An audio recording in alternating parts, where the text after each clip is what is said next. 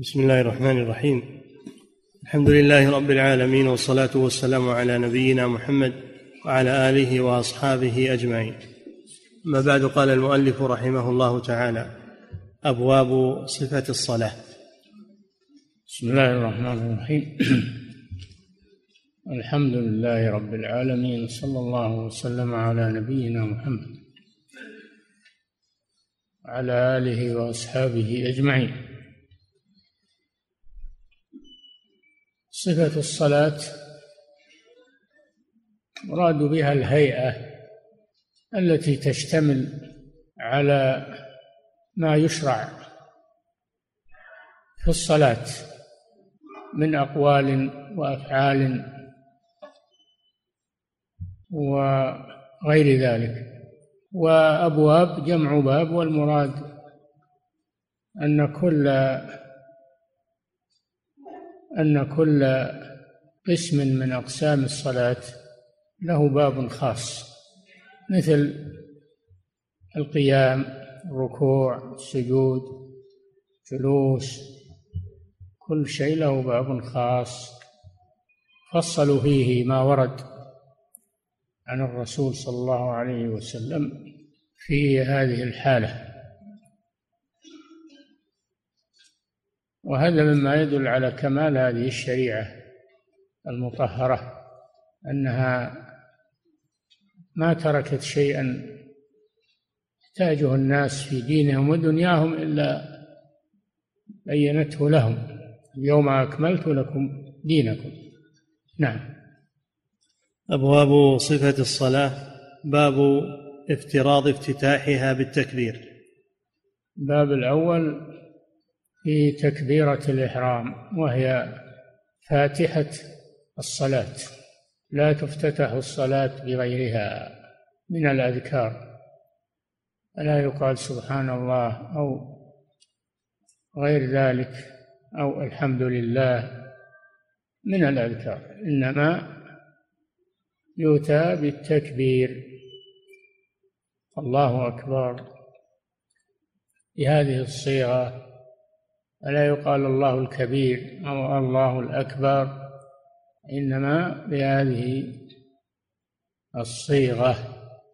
سميت تكبيرة الإحرام لأن الإنسان إذا كبر هذه التكبيرة دخل في الصلاة فحرمت عليه أشياء كانت مباحة له قبل الدخول في الصلاة من الأكل والشرب والكلام غير ذلك فهي تحرم عليه ما كان مباحا له قبلها.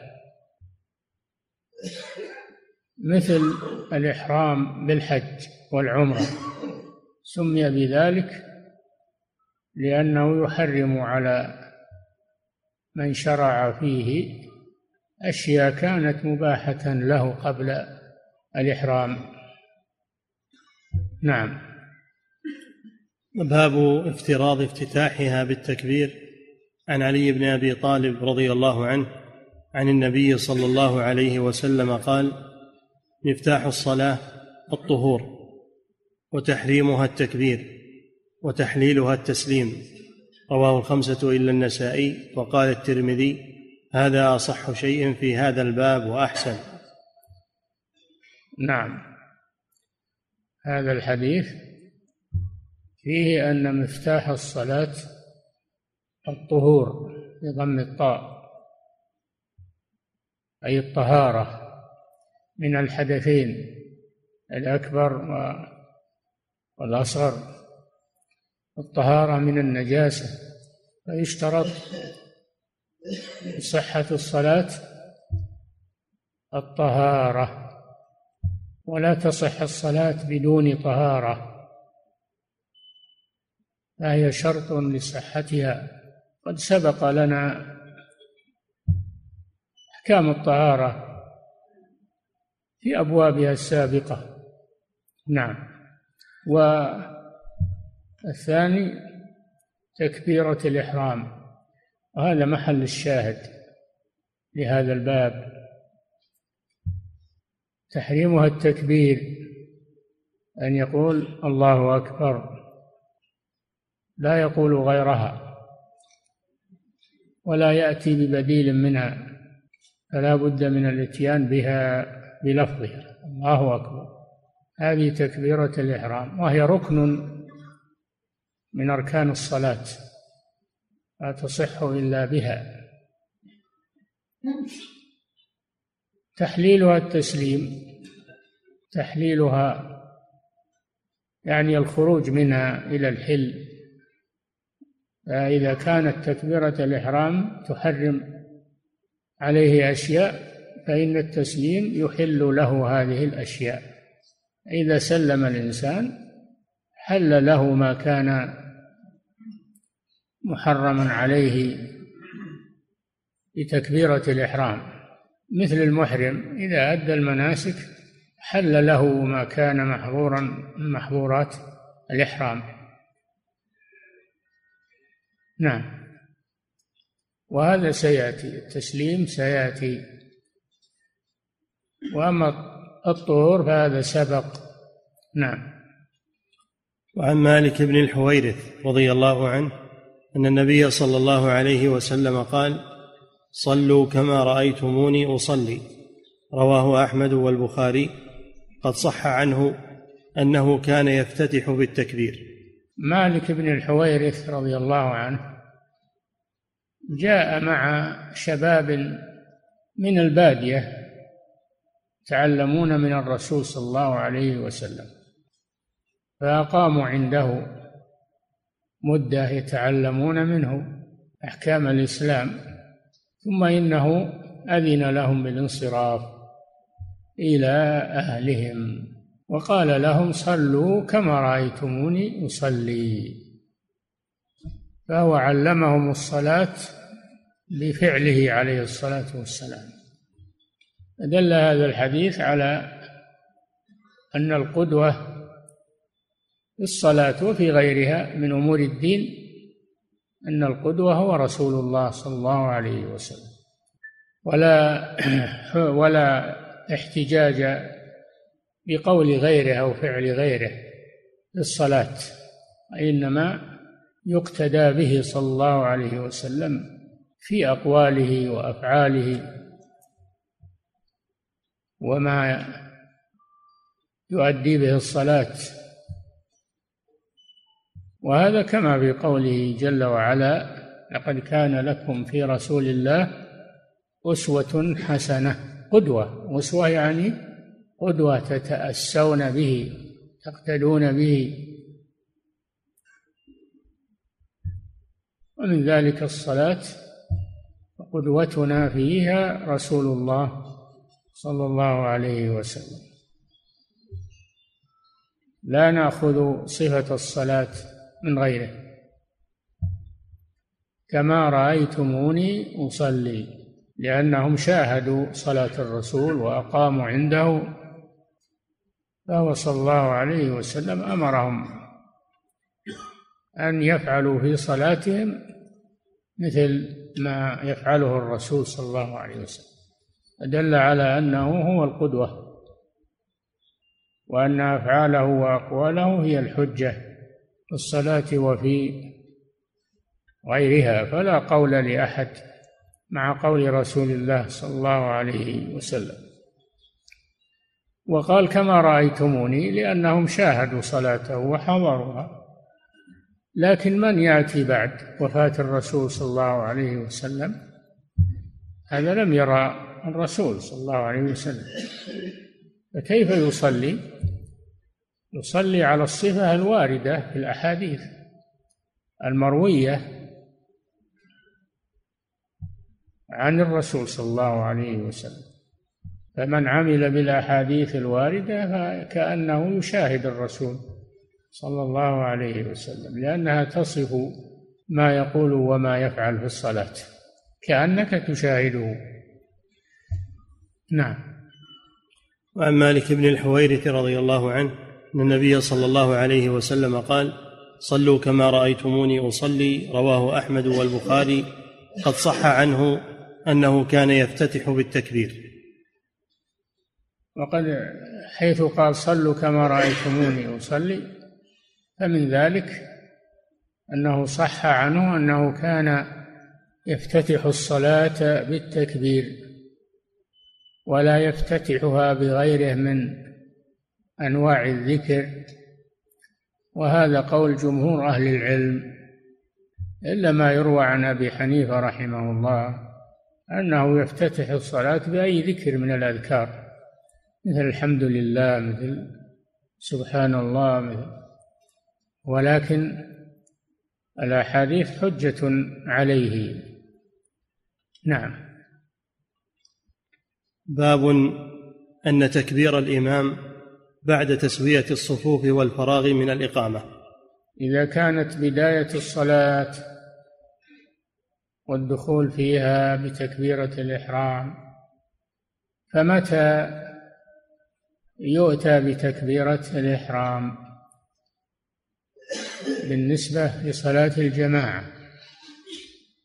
يأتي الإمام بتكبيرة الإحرام بعد الفراغ من تهيئة الصفوف كما سبق تعديل الصفوف أو كما يأتي تعديل الصفوف تراص فيها إكمال الصف الأول فالأول فالإمام لا يكبر حتى تتم الصفوف على الصفة المشروعة لأنه صلى الله عليه وسلم ما كان يكبر حتى يتأكد من استقامة الصفوف واعتدالها. فإما أن الإمام هو الذي يقوم بإقامة الصفوف أو يوكل من يقيمها. فإذا جاءه الوكيل وأخبره باستتمامها فإنه يكبر تكبيرة الإحرام. كما كان عمر رضي الله عنه يرسل من يتمم الصفوف ويقيمها فإذا جاء الوكيل وأخبره بانتهاء المهمة كبر رضي الله تعالى عنه. نعم. باب. باب أن تكبير الإمام بعد تسوية الصفوف والفراغ من الإقامة. والفراغ من الإقامة. فراغ المؤذن من الإقامة. فإذا حصل الأمران استقامت الصفوف وانتهت إقامة الصلاة فإنه يكبر تكبيرة الإحرام. نعم. عن النعمان بن بشير رضي الله عنهما قال كان النبي صلى الله عليه وسلم يسوي صفوفنا إذا قمنا إلى الصلاة فإذا استوينا كبر رواه أبو داود. نعمان بن بشير بن سعد رضي الله عنهما هو وأبوه صحابيان. النعمان وأبوه بشير بن سعد. يخبر رضي الله عنه أن الرسول صلى الله عليه وسلم ما كان يكبر تكبيرة الإحرام حتى تستقيم الصفوف. فهذا فيه دليل على أن الإمام لا يستعجل بالتكبير حتى يتأكد من استقامة الصفوف واعتدالها. نعم. عن النعمان. عن النعمان بن بشير رضي الله عنهما قال كان النبي صلى الله عليه وسلم يسوي صفوفنا إذا قمنا إلى الصلاة فإذا استوينا كبر. كان صلى الله عليه وسلم يسوي. هذا دليل على أن الإمام يباشر يباشر تسوية الصفوف ويهتم بها ويلاحظها. فإذا استتمت واستقامت كبر للإحرام. نعم. وعن أبي موسى رضي الله عنه قال علمنا رسول الله صلى الله عليه وسلم إذا قمتم إلى الصلاة فليؤمكم فليؤمكم أحدكم وإذا قرأ الإمام فأنصتوا رواه أحمد. نعم. هذا الحديث فيه أن الرسول صلى الله عليه وسلم قال إذا قمتم إلى الصلاة فليؤمكم أحدكم.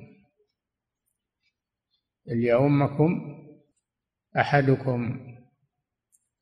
جاء في الأحاديث الأخرى صفة الإمام وأنه يكون أقرأ الحاضرين وأنه أعلم بفقه الصلاة. الأحاديث الأخرى يؤمكم أقرأكم. أقرأكم لكتاب الله. فهذا الحديث فيه اشتراط الإمامة لصلاة الجماعة. اشتراط الإمامة لصلاة الجماعة ليقتدوا به. وإذا قرأ الإمام يعني جهر بالقراءة إذا جهر بالقراءة فأنصتوا واستمعوا لقراءته. وهذا كما في قوله تعالى وإذا قرئ القرآن فاستمعوا له وأنصتوا لعلكم ترحمون. قال الإمام أحمد رحمه الله نزلت هذه الآية في الصلاة. فلا يجوز للمأموم أن يقرأ والإمام يقرأ لأن هذا يشوش على نفسه ويشوش على الإمام ويشوش على من بجنبه بل عليه الإنصات. وأيضا هذا يحرمه من تدبر التلاوة والانتفاع بها فعليه الإنصات. ولو كان لم يقرأ الفاتحة يقرأها في سكتات إمامه. أما أن يقرأ والإمام يقرأ فهذا لا يشرع لأنه يضيع الفائدة على نفسه وعلى من بجانبه ويشوش على نفسه. وإذا قرأ فأنصتوا. فإذا قرئ القرآن فاستمعوا له وأنصتوا. هذا في الجهرية أما صلاة السر فلا مانع أن المأموم يقرأ والإمام يقرأ لأن كل منهما لا يشوش على الآخر. نعم. باب رفع اليدين وبيان صفته ومواضعه. نعم من صفة الصلاة أيضا رفع اليدين عند تكبيرة الإحرام. وعند الركوع وعند الرفع من الركوع وعند القيام من التشهد الأول. أربعة مواضع كما يأتي. يرفع يديه مستقبلا ببطونها القبلة ضاما أصابعها إلى حذو منكبيه أو إلى أذنيه كما في الروايات. نعم. باب رفع اليدين وبيان صفته ومواضعه. عن أبي صفة رفع اليدين و وبيان المواضع التي ترفع فيها اليدان عند التكبير. وسذكرناها لكم. نعم. عن أبي هريرة رضي الله عنه قال كان رسول الله صلى الله عليه وسلم إذا قام إلى الصلاة رفع يديه مدا رواه الخمسة إلا ابن ماجه.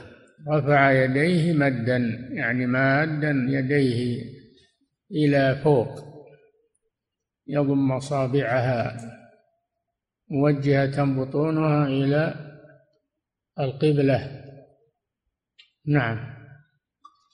وعن وائل بن حجر رضي الله عنه ولا ولا يرفع يديه مقبوضتين بل يرفعهما مدا. نعم.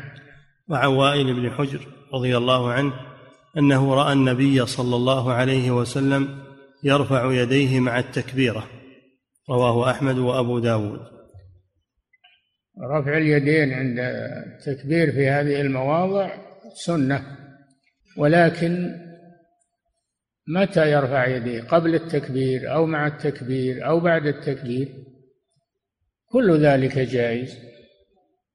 رفعهما قبل التكبير يعني رفعهما ثم كبر رفعهما بعد التكبير يرفعهما أثناء التكبير كله جائز وردت به الروايات. نعم. وعن وائل بن حجر رضي الله عنه أنه رأى النبي صلى الله عليه وسلم يرفع يديه مع التكبيرة رواه أحمد وأبو داود. نعم هذا الحديث يدل على أنه يرفع يديه مع التكبير. نعم. وعن ابن عمر رضي الله عنهما قال كان النبي صلى الله عليه وسلم إذا قام إلى الصلاة رفع يديه حتى يكون بحذو منكبيه ثم يكبر. هذا دليل على أنه أنه يرفع يديه قبل التكبير. يرفع يديه ثم يكبر. والذي قبله يدل على حديث وائل بن حجر على أنه يرفع يديه على أنه يرفع يديه مع التكبير في اثناء التكبير. وسيأتي أنه يرفع يديه بعد التكبير. فكل هذا جائز والحمد لله. نعم. وعن ابن عمر رضي الله عنهما قال كان النبي صلى الله عليه وسلم إذا قام إلى الصلاة رفع يديه حتى يكون بحذو منكبيه ثم يكبر. نعم وهذه مسألة ثانية أن رفع اليدين يكون إلى حذو المنكبين إلى حذو المنكبين. نعم. فإذا أراد أن عندنا في هذا الحديث مسألتان أنه يرفع ثم يكبر. وأن موضع وأن موضع الرفع إلى إلى محاذاة المنكبين. وجاء في أحاديث أخرى أنه إلى الأذنين أو إلى فروع الأذنين. وكلا هذه الصفات جائز والحمد لله. نعم. فإذا أراد أن يركع رفعهما مثل ذلك. هذا الموضع الثاني من رفع اليدين. إذا أراد أن يرفع أن يركع رفعهما مثل ذلك أي مثل ما رفعهما عند تكبيرة الإحرام. نعم. وإذا رفع رأسه من الركوع رفعهما كذلك أيضا. هذا الموضع الثالث إذا رفع رأسه من الركوع رفع يديه كذلك. نعم. وإذا رفع رأسه من الركوع رفعهما كذلك أيضا وقال سمع الله لمن حمده ربنا ولك الحمد. متفق عليه. اي نعم يرفعهما إذا رفع من الركوع قبل أن يقول سمع الله لمن حمده. لأن سمع الله لمن حمده يقولها إذا اعتدل إذا اعتدل واقفا وأما رفع اليدين فهو مع ارتفاعه من الركوع. ومعنى سمع الله لمن حمده أي استجاب. لأن سمع إذا عدي بنفسه فمعناه سماع الصوت. وأما إذا عدي باللام سمع الله لمن حمده فمعناه استجاب لمن حمده. نعم. وللبخاري ولا يفعل ذلك حين يسجد. ولا يفعل ذلك يعني لا يرفع يديه. عند انحطاطه للسجود. فلا ترفع فلا يشرع رفع اليدين في هذا الموضع. نعم. وللبخاري ولا يفعل ذلك حين يسجد ولا حين يرفع رأسه من من السجود. كذلك ولا يرفع يديه حين يرفع رأسه من السجود. نعم. ولمسلم ولا يفعله حين يرفع رأسه من السجود. نعم. وله أيضا ولا يرفعهما بين السجدتين. ولا يرفع يديه بين السجدتين. إذا قام من السجدة الأولى أو إذا سجد السجدة الثانية لا يرفع يديه. ليس هذا من سنة الرسول صلى الله عليه وسلم. نعم. وعن نافع أن ابن عمر رضي الله عنهما كان إذا دخل في الصلاة كبر ورفع يديه. كبر ورفع. هذا الدليل على أن رفع اليدين بعد التكبير. نعم. وإذا ركع رفع يديه. وإذا ركع رفع يديه كما سبق. نعم. وإذا قال سمع الله لمن حمده رفع يديه. هذا الموضع الثالث. نعم. وإذا قام من الركعتين رفع يديه. هذا الموضع الرابع. إذا قام من التشهد الأول. رفع يديه. نعم. وإذا قام من الركعتين رفع يديه. ورفع ذلك ابن عمر. وإذا, وإذا قام من الركعتين رفع يديه. ورفع ذلك ابن عمر إلى النبي صلى الله عليه وسلم. كان ابن عمر يفعل هذا. وينسبه إلى الرسول صلى الله عليه وسلم. وليس هذا من اجتهاد ابن عمر أو رأيه وإنما هو يرفعه إلى الرسول صلى الله عليه وسلم. نعم. ورفع ذلك ابن عمر إلى النبي صلى الله عليه وسلم رواه البخاري والنسائي وأبو داود. نعم. وعن علي بن أبي طالب رضي الله عنه عن رسول الله صلى الله عليه وسلم أنه كان إذا قام إلى الصلاة المكتوبة كبر ورفع يديه حذو منكبيه. كبر ورفع. دليل على أن الرفع بعد التكبير. نعم. ويصنع مثل ذلك إذا قضى قراءته وأراد أن يركع. هذا الموضع الثاني. نعم. ويصنعه إذا رفع رأسه من الركوع. الموضع الثالث. ولا يرفع يديه في شيء من صلاته وهو قاعد. ولا يرفع شيء يرفع يديه في شيء من صلاته وهو قاعد يعني في حالة الجلسة بين السجدتين فلا يرفع رأس يديه إذا سجد ولا إذا رفع إذا سجد ولا إذا رفع من السجود لا يرفع يديه. نعم. وإذا قام من السجدتين رفع يديه كذلك وكبر. السجدتين يعني الركعتين ما هو السجدتين اللي هو السجود لا. إذا قام من الركعتين الأوليين رفع يديه كما سبق هذا الموضع الرابع. نعم. لأن الركعة تسمى سجدة. نعم. رواه أحمد وأبو داود والترمذي وصححه. وقد صح التكبير في المواضع الأربعة في حديث أبي حميد الساعدي وسنذكره. يقول المجد بن تيمية رحمه الله وقد صح ها؟ التكبير في المواضع الأربعة في حديث أبي حميد الساعدي وسنذكره. نعم. وقد صح. وقد صح التكبير في المواضع الأربعة المواضع الأربعة إذا عند تكبيرة الإحرام وعند الركوع وعند الرفع من الركوع وعند القيام من التشهد الأول. نعم.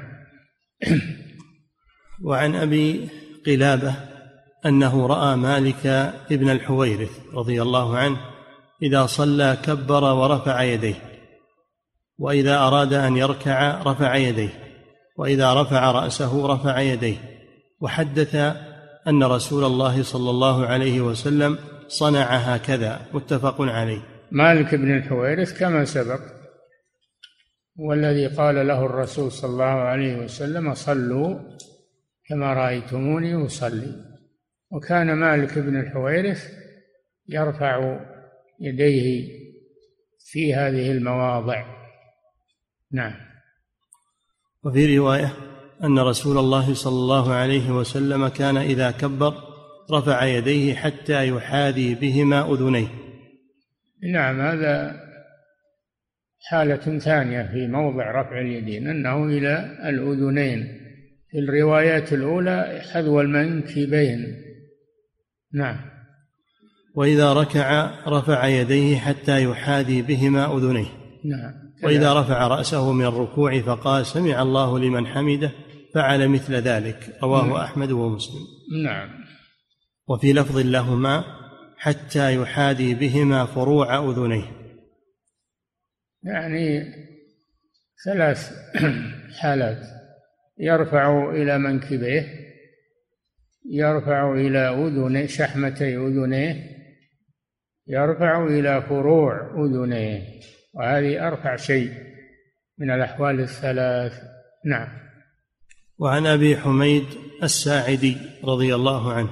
وفرع الأذن هو الإطار الذي على الأذن الإطار الذي على الأذن. يسمى إطار الأذن. نعم. وعن أبي حميد الساعدي رضي الله عنه أنه قال وهو في عشرة من أصحاب النبي صلى الله عليه وسلم أحدهم أبو قتادة. أنا أعلمكم بصلاة رسول الله صلى الله عليه وسلم.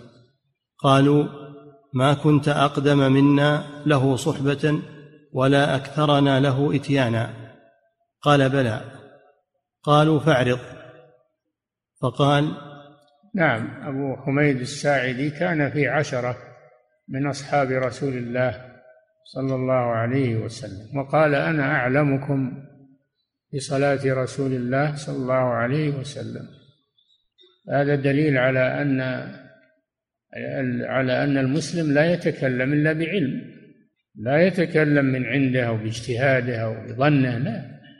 يتكلم إلا بعلم. أنا أعلمكم صلاة رسول الله صلى الله عليه وسلم. فتعجبوا من ذلك.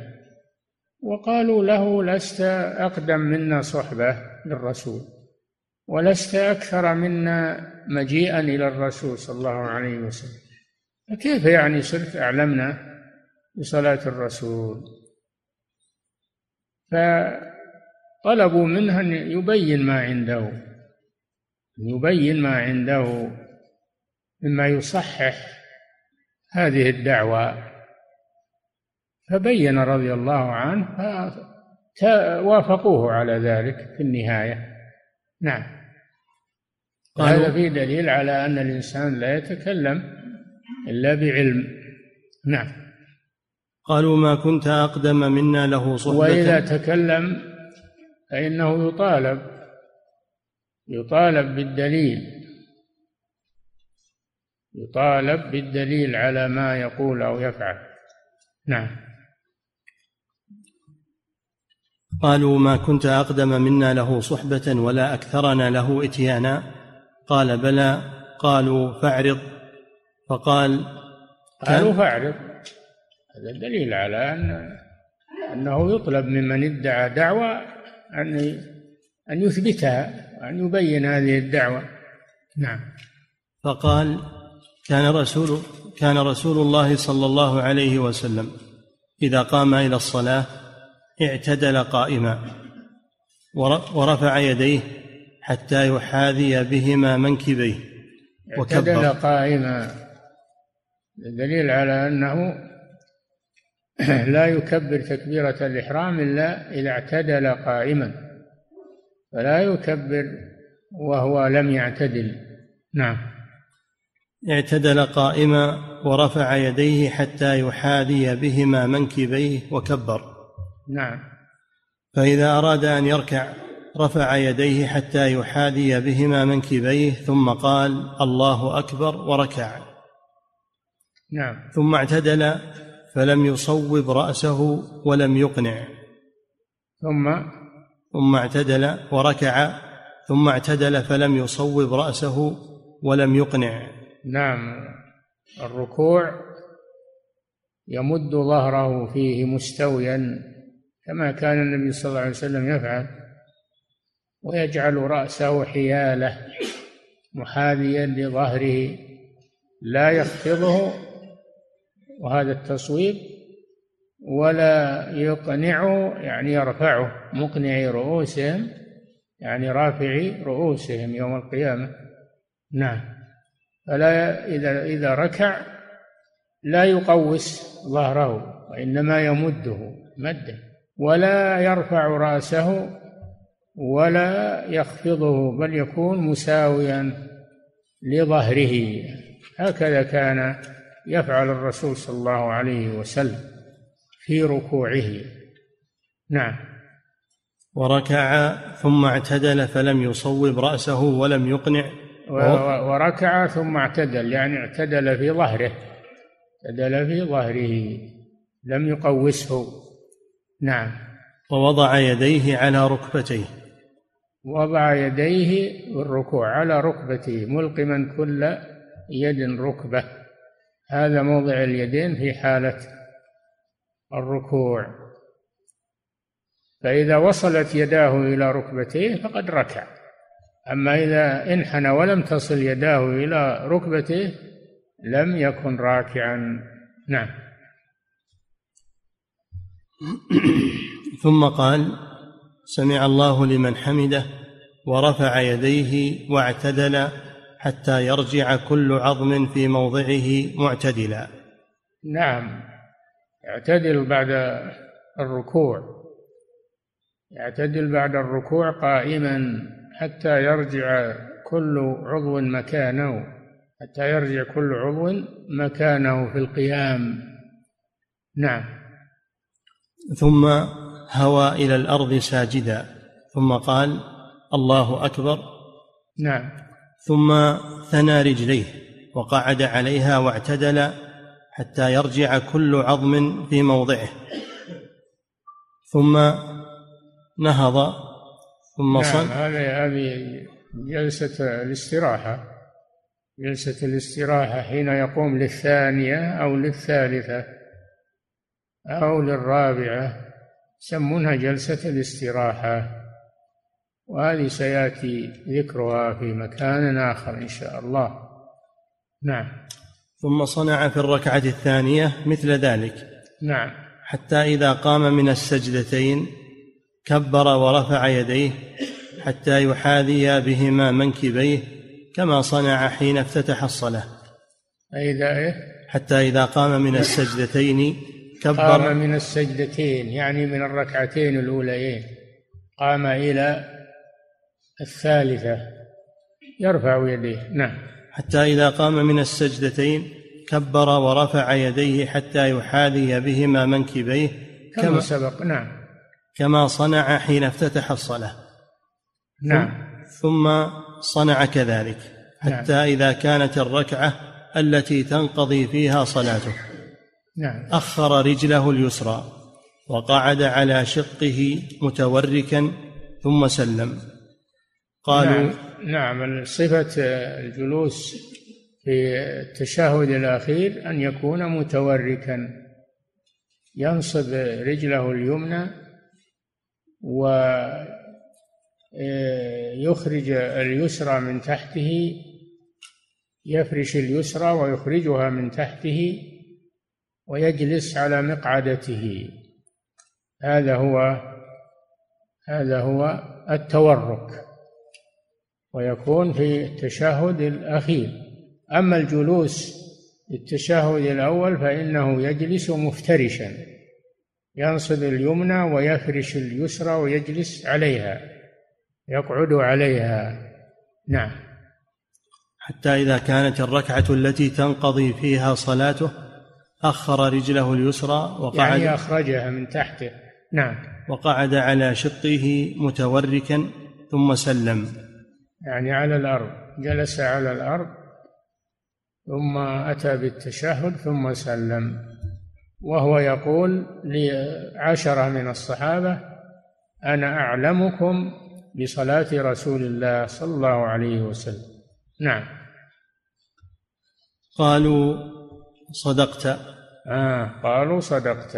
لما رأوا فعله في الصلاة صدقوه على قوله أنا أعلمكم بصلاة رسول الله صلى الله عليه وسلم وهذا من الإنصاف. هذا من الإنصاف وأن العالم لا يحتقر العالم الآخر إذا جاء بالحق بل يصدقه ويوافقه. نعم. قالوا صدقت هكذا صلى رسول الله صلى الله عليه وسلم. نعم أنصفوه رضي الله عنهم. أنصفوه وصدقوه فيما قال. وهكذا العلماء. ينصف بعضهم بعضا ولا يكون هناك هوى لما بينهم أو تجهيل لبعضهم. نعم. رواه الخمسة إلا النسائي وصححه الترمذي ورواه البخاري مختصرا. نعم. باب ما جاء في وضع اليمين على الشمال. ودل هذا الحديث بعمومه على الاقتداء بالرسول صلى الله عليه وسلم في صفة الصلاة لأنه قال أنا أعلمكم بصلاة رسول الله فدل على الاقتداء بالرسول صلى الله عليه وسلم في صفة الصلاة. نعم. باب ما جاء في وضع اليمين على الشمال.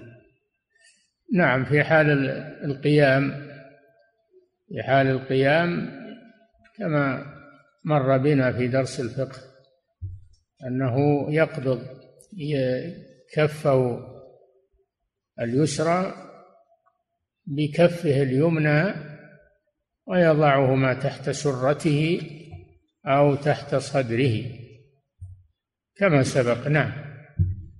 باب ما جاء في وضع اليمين على الشمال. عن وائل بن حجر رضي الله عنه أنه رأى النبي صلى الله عليه وسلم رفع يديه حين دخل في الصلاة وكبر. نعم كما سبق. ثم التحف بثوبه.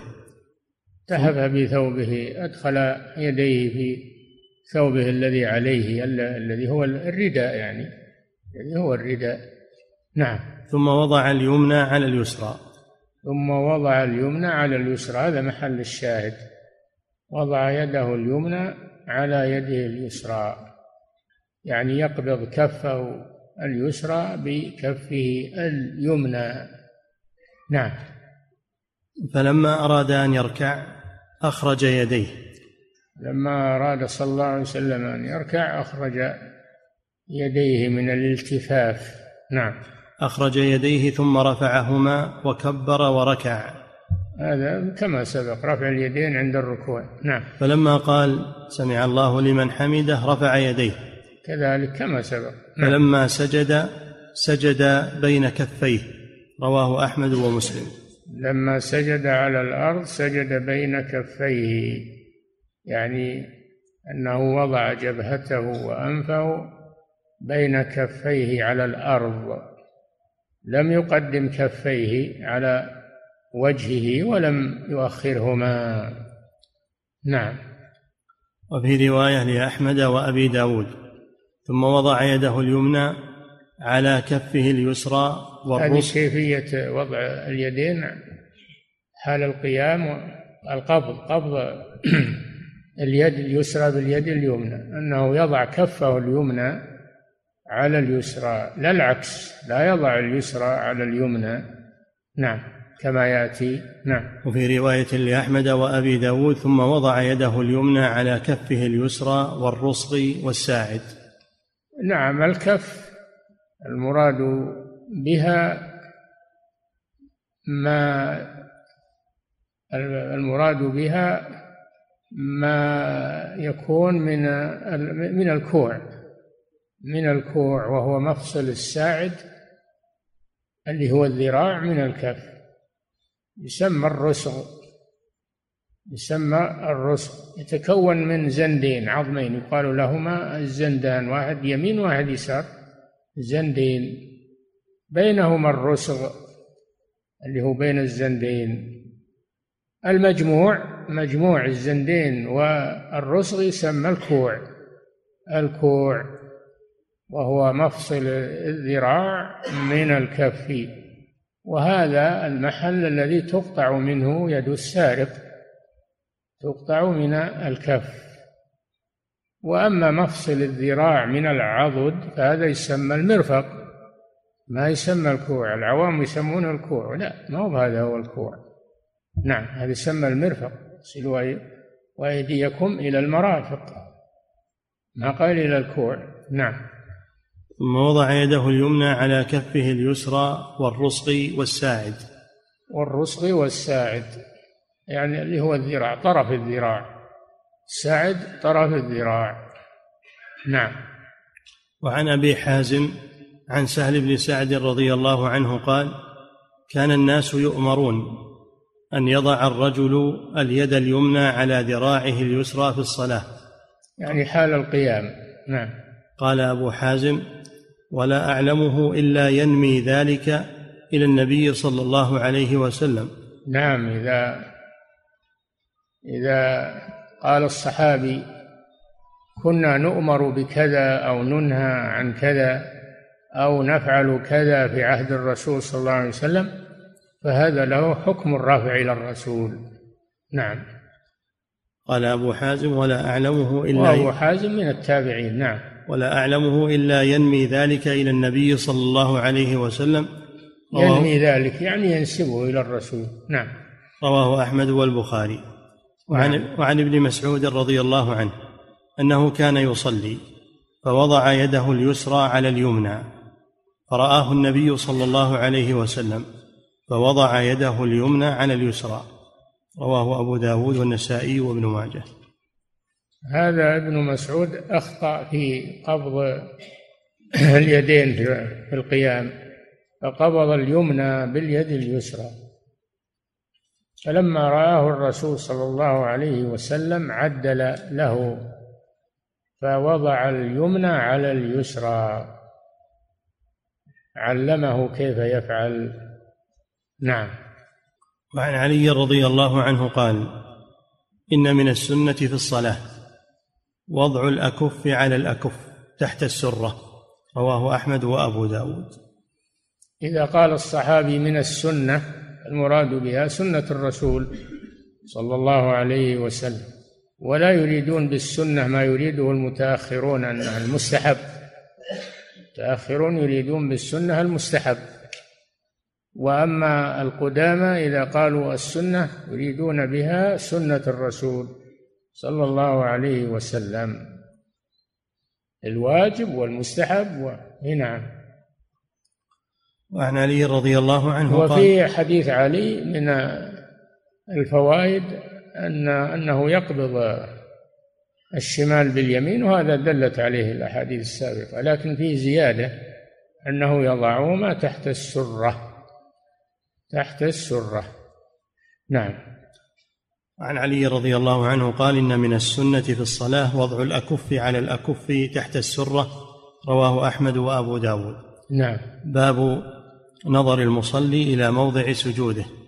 وفي روايات أنه يضعهما تحت الصدر فوق السرة وتحت الصدر.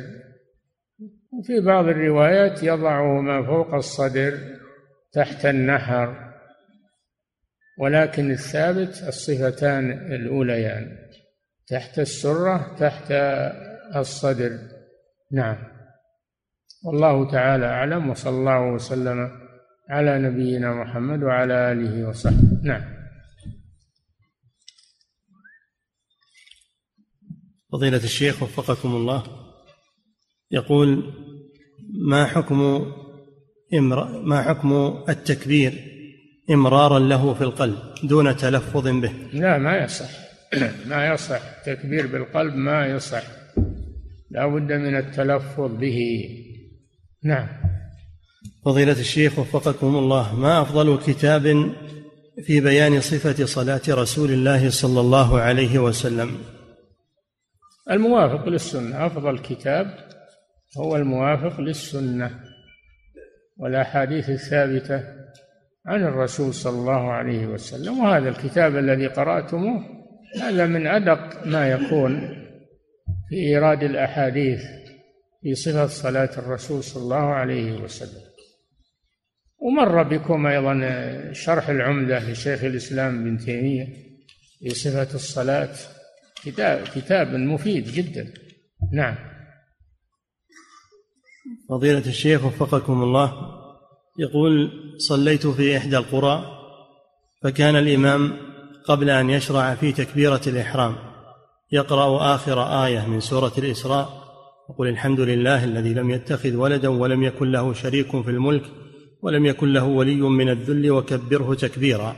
ثم يكبر تكبيرة الإحرام. هذا وين فيه يقول. يقول صليت في إحدى القرى عند بعض القبائل. يعني في هذه البلاد ما ذكر ولا في بلادهم. هذا منكر هذا منكر وبدعة ولا يجوز. سواء في هذه البلاد أو في غيرها هذا بدعة. نعم. فضيلة الشيخ وفقكم الله. يقول هل ما ورد عن النبي صلى الله عليه وسلم ها؟ هل ما ورد عن النبي صلى الله عليه وسلم من قوله لا تفعلوا إلا بفاتحة الكتاب؟ هل هو منسوخ بالآية؟ فإذا قرئ القرآن فاستمعوا له وأنصتوا. أحسن شيء ما اختاره شيخ الإسلام ابن تيمية وهو مذهب الإمام مالك رحمه الله أنه في السرية يجب على المأموم أن يقرأ الفاتحة. يجب على المأموم أن يقرأ الفاتحة. وأما في الجهرية فيجب على المأموم أن ينصت لقراءة الإمام جمعا بين الأدلة. جمعا بين الأدلة الواردة. نعم. فضيلة على هذا القول تجب على المأموم في الصلاة السرية ولا تجب عليه في الصلاة الجهرية إذا جهر الإمام. نعم. فضيلة الشيخ وفقكم الله. في قول الإمام أحمد رحمه الله في الآية فإذا قرئ القرآن فاستمعوا له وأنصتوا. أنها نزلت في الصلاة. يقول هل هذا دليل على أنه في غير الصلاة يجوز للإنسان عدم الإنصات؟ هذا إذا قرأ إذا قرئ القرآن هذه في الصلاة. إذا قرأ الإمام يعني إذا قرأ الإمام فأنصت له. أما في خارج الصلاة فأنت حر. بغيت تنصت ولا ولا تروح؟ تجلس وتنصت وإلا تروح خليه نعم. فضيلة, فضيلة الشيخ وفقكم الله هل يشرع للإمام أن ينتظر ويسكت بعد قراءة الفاتحة كي يتسنى للمأموم أن يقرأها؟ وما مقدار ذلك السكوت؟ هذا استحسان ما ورد هو ما في شيء عن الرسول صلى الله عليه وسلم لكن استحسنوه. وليس فيه سنة ثابتة عن الرسول صلى الله عليه وسلم إلا أنه يسكت بقدر ما يرجع إليه نفسه. نعم. فضيلة الشيخ وفقكم الله يقول هل دائما تطبق السنة في رفع اليدين في الصلاة في المواضع الأربع أو تترك أحيانا وتفعل أحيانا؟ هذا فيه أجر الإنسان ما يزهد في الأجر فلا يرفع يديه يرفع يديه دائما يحصل على الأجر. والاقتداء بالرسول صلى الله عليه وسلم وهو مذهب جمهور أهل العلم نعم. فضيلة الشيخ وفقكم الله هل صح ما ورد أن النبي صلى الله عليه وسلم كان يرفع يديه في كل خفض ورفع؟ لا اللي أعرفه ليس لا كان يكبر كان يكبر في كل خفض ورفع. نعم. فضيلة الشيخ وفقكم الله يقول ما حكم الجهر بتكبيرة الإحرام بالنسبة للمأموم؟ ما حكم؟ الجهر بتكبيرة الإحرام للمأموم. ما له داعي ما له داعي يجهر. الإمام يجهر علشان يسمعه المأموم. أما المأموم فلا داعي إلى الجهر بالتكبير. نعم. فضيلة الشيخ وفقكم الله يقول رأيت شخصا يرفع يديه بعد التشهد الأول وقبل قيامه فيكون رفعه وهو جالس. فهل ذلك وارد؟ هذا بدعة. هذا بدعة ولا يجوز. نعم. فضيلة الشيخ وفقكم الله يقول متى يرفع المصلي يديه إذا انتقل من التشهد الأول إلى الركعة الثالثة؟ حال رفعه حال ارتفاعه من من الجلوس. نعم. فضيلة الشيخ وفقكم الله التسميع والتحميد من الإمام والمنفرد متى يقال هل هو في حال رفعه من الركوع أو إذا اعتدل تماما؟ المأموم لا يأتي بالتسميع يأتي به الإمام هو اللي سمع الله لمن حمده. أما المأموم فيقول ربنا ولك الحمد. قال صلى الله عليه وسلم وإذا قال سمع الله لمن حمده قولوا ربنا ولك الحمد. نعم. فضيلة الشيخ وفقكم الله يقول إذا كنت مأموما في صلاة سرية فهل يكفي أن أقرأ بعض الفاتحة إذا لم أتمكن من قراءتها كاملة لركوع الإمام؟ أي نعم. تقرأ ما تمكنت من قراءته. إذا ركع الإمام فاركع ولو لم تكملها. نعم. فضيلة الشيخ وفقكم الله يقول إذا كان المأموم مسبوقا بركعة فهل يرفع يديه في الركعة الثالثة مع الإمام وهي الثانية بالنسبة له لأنه مسبوق؟ نعم يرفع. متابعة هذا من المتابعة للإمام. نعم. فضيلة الشيخ وفقكم الله ما نصيحتكم وتوجيهكم للذي يكبر تكبيرة الإحرام ثم يعيدها مرات بحجة أنها لم تخرج من القلب. أعوذ بالله. هذا بدعة وهذا تكرار للركن. الركن لا يكرر يقولون يبطل الصلاة إذا كرر الركن. لو ركع ثلاث مرات تصح صلاته؟ ما تصح. الركن لا يكرر. لو قرأ الفاتحة مرتين ما تصح صلاته ما يكرر الركن. نعم.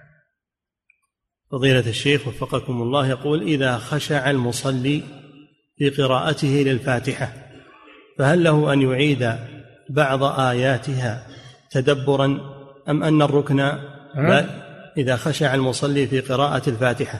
لا ما يكرر الفاتحة ركن ما يكرر. نعم. فضيلة الشيخ وفقكم الله ولا بعض آياتها ما تكرر. نعم. فضيلة الشيخ وفقكم الله يقول من كانت له يد واحدة فهل يسقط عنه الرفع أم يرفع يدا واحدة؟ اتقوا الله ما استطعتم يرفع يده الموجودة. نعم. فضيلة الشيخ وفقكم الله ما حكم الدخول في الصلاة بالتكبير لكن دون رفع لليدين؟ الصلاة صحيحة لكن ترك سنة رفع اليدين سنة ليس واجبا. نعم. فضيلة الشيخ وفقكم الله. يقول ما الحكمة من رفع اليدين عند التكبير في الصلاة وكذلك في الطواف؟ عند بداية الطواف. هذا ذكروا فيه أقوالا كثيرة. ذكرها الشوكاني عندكم في نيل الأوطار. قيل لأنها زينة الصلاة. رفع اليدين زينة الصلاة. وقيل أنه علامة على الخشوع والذل بين يدي الله سبحانه وتعالى. قيل إنه لرفع الحجاب بينه وبين ربه إلى غير ذلك والله أعلم. نعم. فضيلة الشيخ وفقكم الله يقول ذهب بعض أهل العلم إلى مشروعية التورك في كل تشهد تنقضي فيه صلاته ولو كانت الصلاة ثنائية. هذا ذكره ابن القيم بحث هذا في زاد المعاد طال البحث فيه راجعوه نعم فضيلة الشيخ وفقكم الله يقول هل تسوية الصفوف تلتز تستلزم إلصاق القدم بالقدم والكتف بالكتف أم هي مجرد محاذاة فقط؟ المحاذاة هذا للتعديل أما الإلصاق هذا لسد الهرج. هذا شيء وذا شيء؟ لا يلصق آه، لكن ما ما يضيق على على جاره ما يضيق يطيح عليه ويضيق عليه. ما ما يبقى بينه وبينه فضاء هذا المقصود. ما يبقى بينه وبينه فرجة مقاربة المراد المقاربة. نعم. فضيلة على أن ما يفعله بعض بعض الجهال والمتعالمين من الفحج فحج الرجلين حتى يضايق من بجانبه ويفتح ثغرة في الصف تحت رجليه. هذا ما مخالف للسنة وهذا تكلف ما أنزل الله به من سلطان. نعم. فضيلة الشيخ وفقكم الله يقول إذا كان المكان ضيقا فهل الأفضل التورك أم تركه؟ حسب الاستطاعة. إذا كان ما يستطيع يتورك يفترش. الحمد لله. نعم. فضيلة الشيخ وفقكم الله يقول إذا وجدت المصلين في الركوع هل أدخل معهم بتكبيرة الإحرام مع تكبيرة الركوع أو تكفي تكبيرة الإحرام؟ لا بد من تكبيرة الإحرام وهو واقف. وأما تكبيرة الركوع فتكون سنة في هذا الموضع. سنة. ليست واجبا. إن أتى بها فبها وإن لم يأتي تكفي تكبيرة الإحرام. نعم. فضيلة الشيخ وفقكم الله. يقول ما الراجح في ما يكون بعد الرفع من الركوع؟ هل يسجل يديه أو يضمهما على صدره أو تحت صدره؟ مر بكم في صفة الصلاة في شيخ الإسلام ابن تيمية أنه يرسلهما ولا يقبضهما والذي يقرره الشيخ ابن باز وكتب فيه أنه يقبضهما بعد الركوع. على كل حال المسألة مخير فيها والحمد لله. إن قبض وإن أرسل المسألة. نعم. فضيلة الشيخ وفقكم الله. يقول هل السجدتان في الركعة الواحدة ركن أم أن كل سجدة ركن مستقل؟ سجدتان ركن. ركن واحد. لا يتم لا يتم الركن ركن السجود إلا بهما. ركن السجود لا يتم إلا بهما. نعم. فضيلة الشيخ وفقكم الله. يقول إذا رأى شخص أثناء صلاته أن بثوبه نجاسة فماذا يصنع؟ إن كان يستطيع التخلص منه يخلعه. خلعه مثل ما خلع النبي صلى الله عليه وسلم نعليه في الصلاة. لما أخبره جبريل أن فيهما خبثا وإن لم يستطع فإنه يخرج من الصلاة ويغسل النجاسة أو يبدل الثوب ويبدأ الصلاة من جديد. نعم. فضيلة الشيخ وفقكم الله يقول هل حضورنا إلى هذه الدروس وتعلمنا للعلم هل يلزم عليه أن ننشر هذا العلم؟ ونفيد أقرباءنا وإذا لم ننشره فهل, فهل يكون علينا إثم بذلك؟ نعم. إذا فهمتم الدرس فهما صحيحا وجيدا فانشروا في أقاربكم وأنذر عشيرتك الأقربين. انشروا في أقاربكم وفي إخوانكم هذا واجب عليكم ولا يجوز لكم كتمان العلم. نعم. فضيلة الشيخ وفقكم الله يقول عندنا رجل في المسجد كبير في السن. إذا أقيمت الصلاة أثناء قيامه يكبر للصلاة قبل أن يعتدل يكبر تكبيرة الإحرام. فهل عمله هذا خطأ؟ نعم هذا خطأ. بنبهه على هذا. له لا تكبر حتى تعتدل قائما. تكبيرة الإحرام من القائم لا تكون من الجالس إلا العاجز عن القيام. إذا كان عاجز عن القيام يكبر وهو جالس. إذا كان يقدر على القيام يصبر لما يعتدل ثم يكبر. نعم. فضيلة الشيخ وفقكم الله هل يجوز للمرأة أن تحضر هذه الدروس أو غيرها في المسجد وهي عليها العذر الشرعي؟ لا. لا تدخل المسجد لا للدروس ولا غيرها للجلوس لا تدخله للجلوس فيه لا للدرس ولا لغيره. أما أنه تمر وتأخذ حاجة من المسجد لا بأس. أو تمر مع الطريق تطلع من باب تدخل من باب وتخرج من باب ما في بأس. وأما الجلوس للدرس وهي حائض ما يجوز هذا لكن بإمكانها تكون في سيارة ويكون عندها تسمع مكبر الصوت. كان هذا. نعم. فضيلة الشيخ وفقكم. اليوم الحمد لله تيسرت الأمور. تسجيل هذا يودي الدرس في في أي مكان. شريط نعم. فضيلة الشيخ وفقكم الله.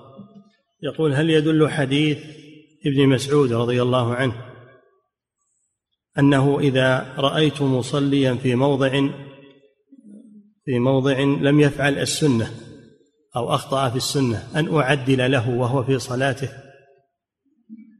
نعم. وهل يدل حديث ابن مسعود رضي الله عنه أنني إذا رأيت مصليا في موضع لم يفعل السنة أو خالف السنة أنني أعدل له ذلك الأمر وهو في صلاته؟ اي نعم إذا كان من باب المستحبات تعدل له اما إذا كان من الأركان ولا من الواجبات أو الشروط فبين له أن دخوله في الصلاة ما هو صحيح يبدأ من جديد. نعم. فضيلة الشيخ وفقكم الله إذا أقيمت الصلاة فلا صلاة إلا المكتوبة هل يقطع المصلي للنافلة صلاته بالتسليم؟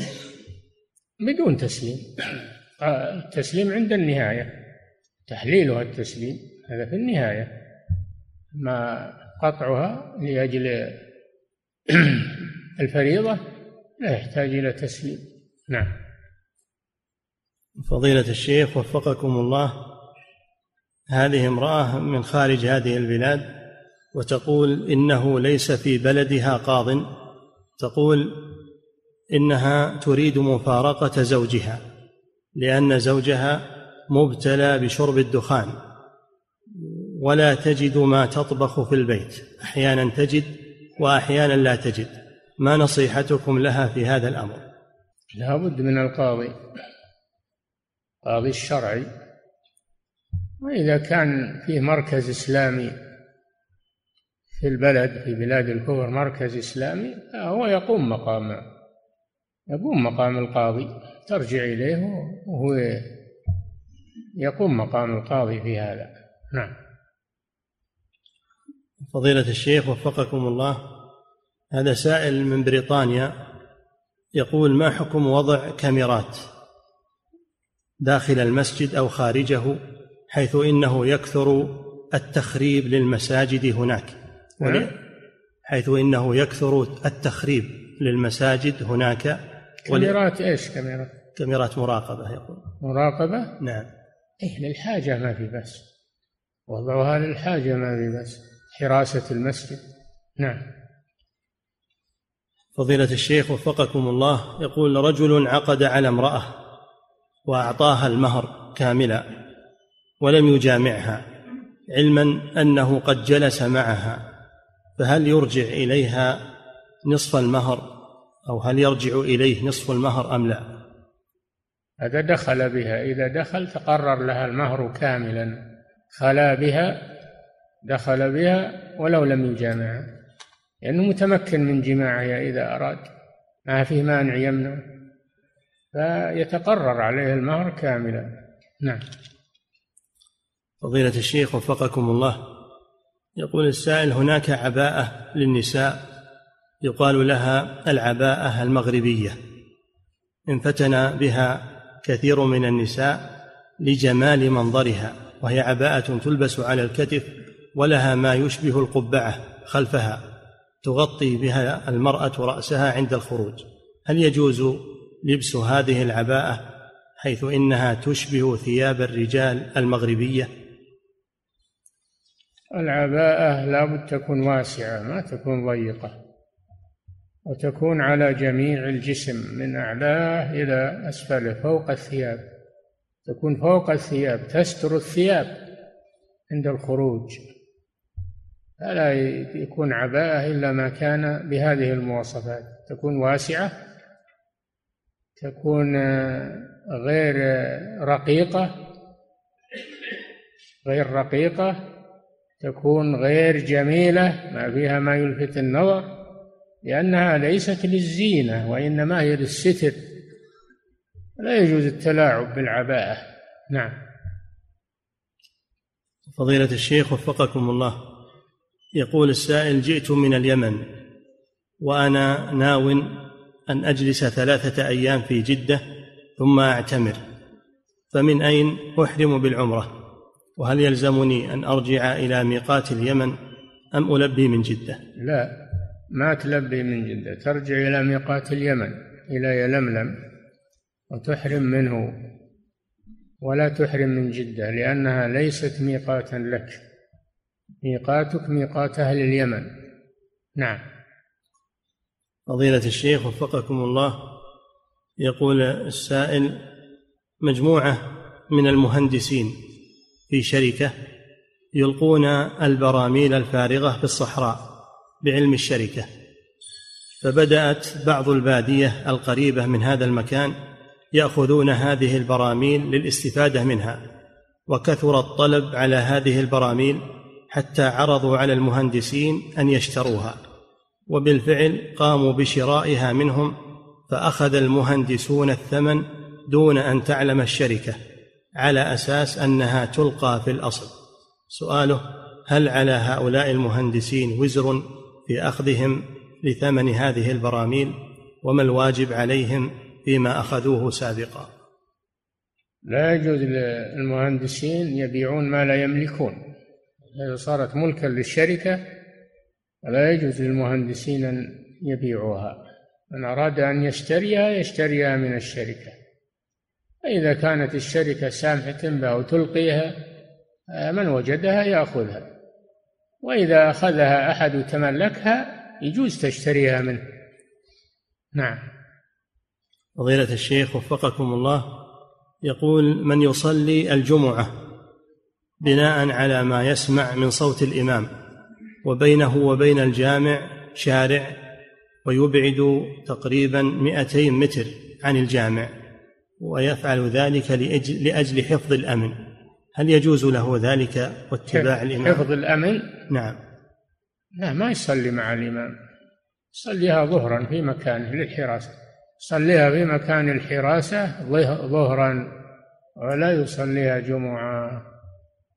لأنه خارج المسجد ولم تتصل الصفوف نعم.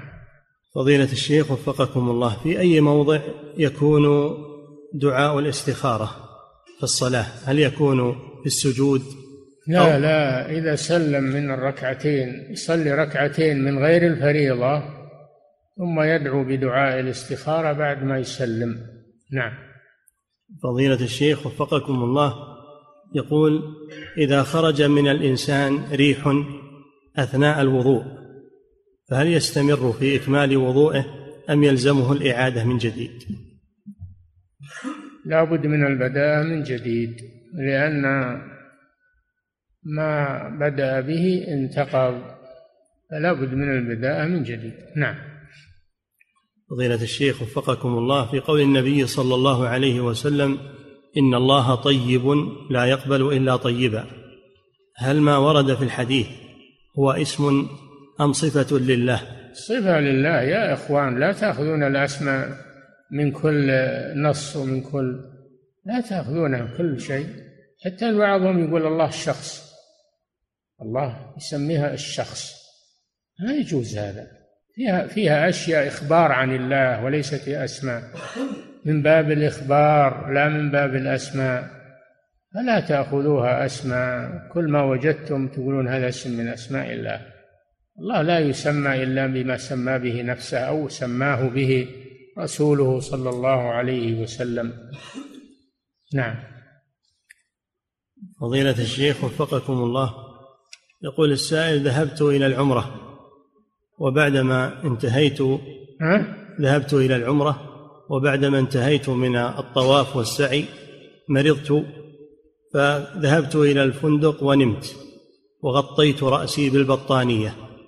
فهل تصح عمرتي هذه حيث لم أحلق رأسي إلا بعدما انتهيت من النوم وكنت مغطيا للرأس؟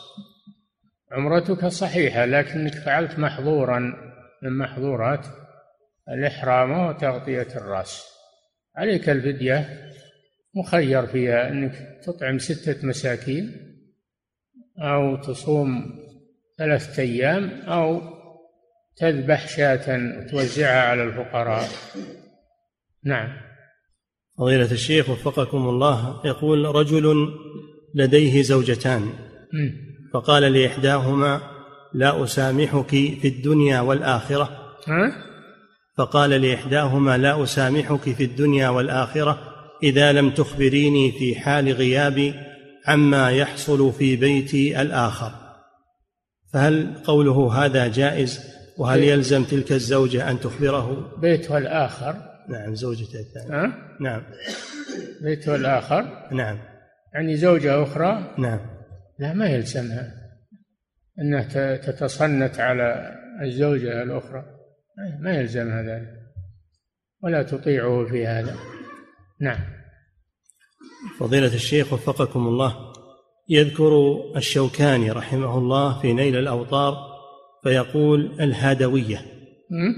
يقول الشوكاني رحمه الله دائما في نيل الأوطار يقول وهو قول الهادوية. الهادوية أتباع الهادي من أئمة الزيدية. من أئمة الزيدية أتباع الهادي. نعم. يقول وهل هو مذهب معتبر مذهب الزيدية. مذهب الزيدية. نعم. فضيلة الشيخ وفقكم الله يقول سبق لي أن حججت إلى بيت الله الحرام؟ سبق لي أن حججت إلى بيت الله الحرام ولكن لم أطف طواف الوداع. فماذا يلزمني؟ حججت؟ سبق لي أن حججت إلى بيت الله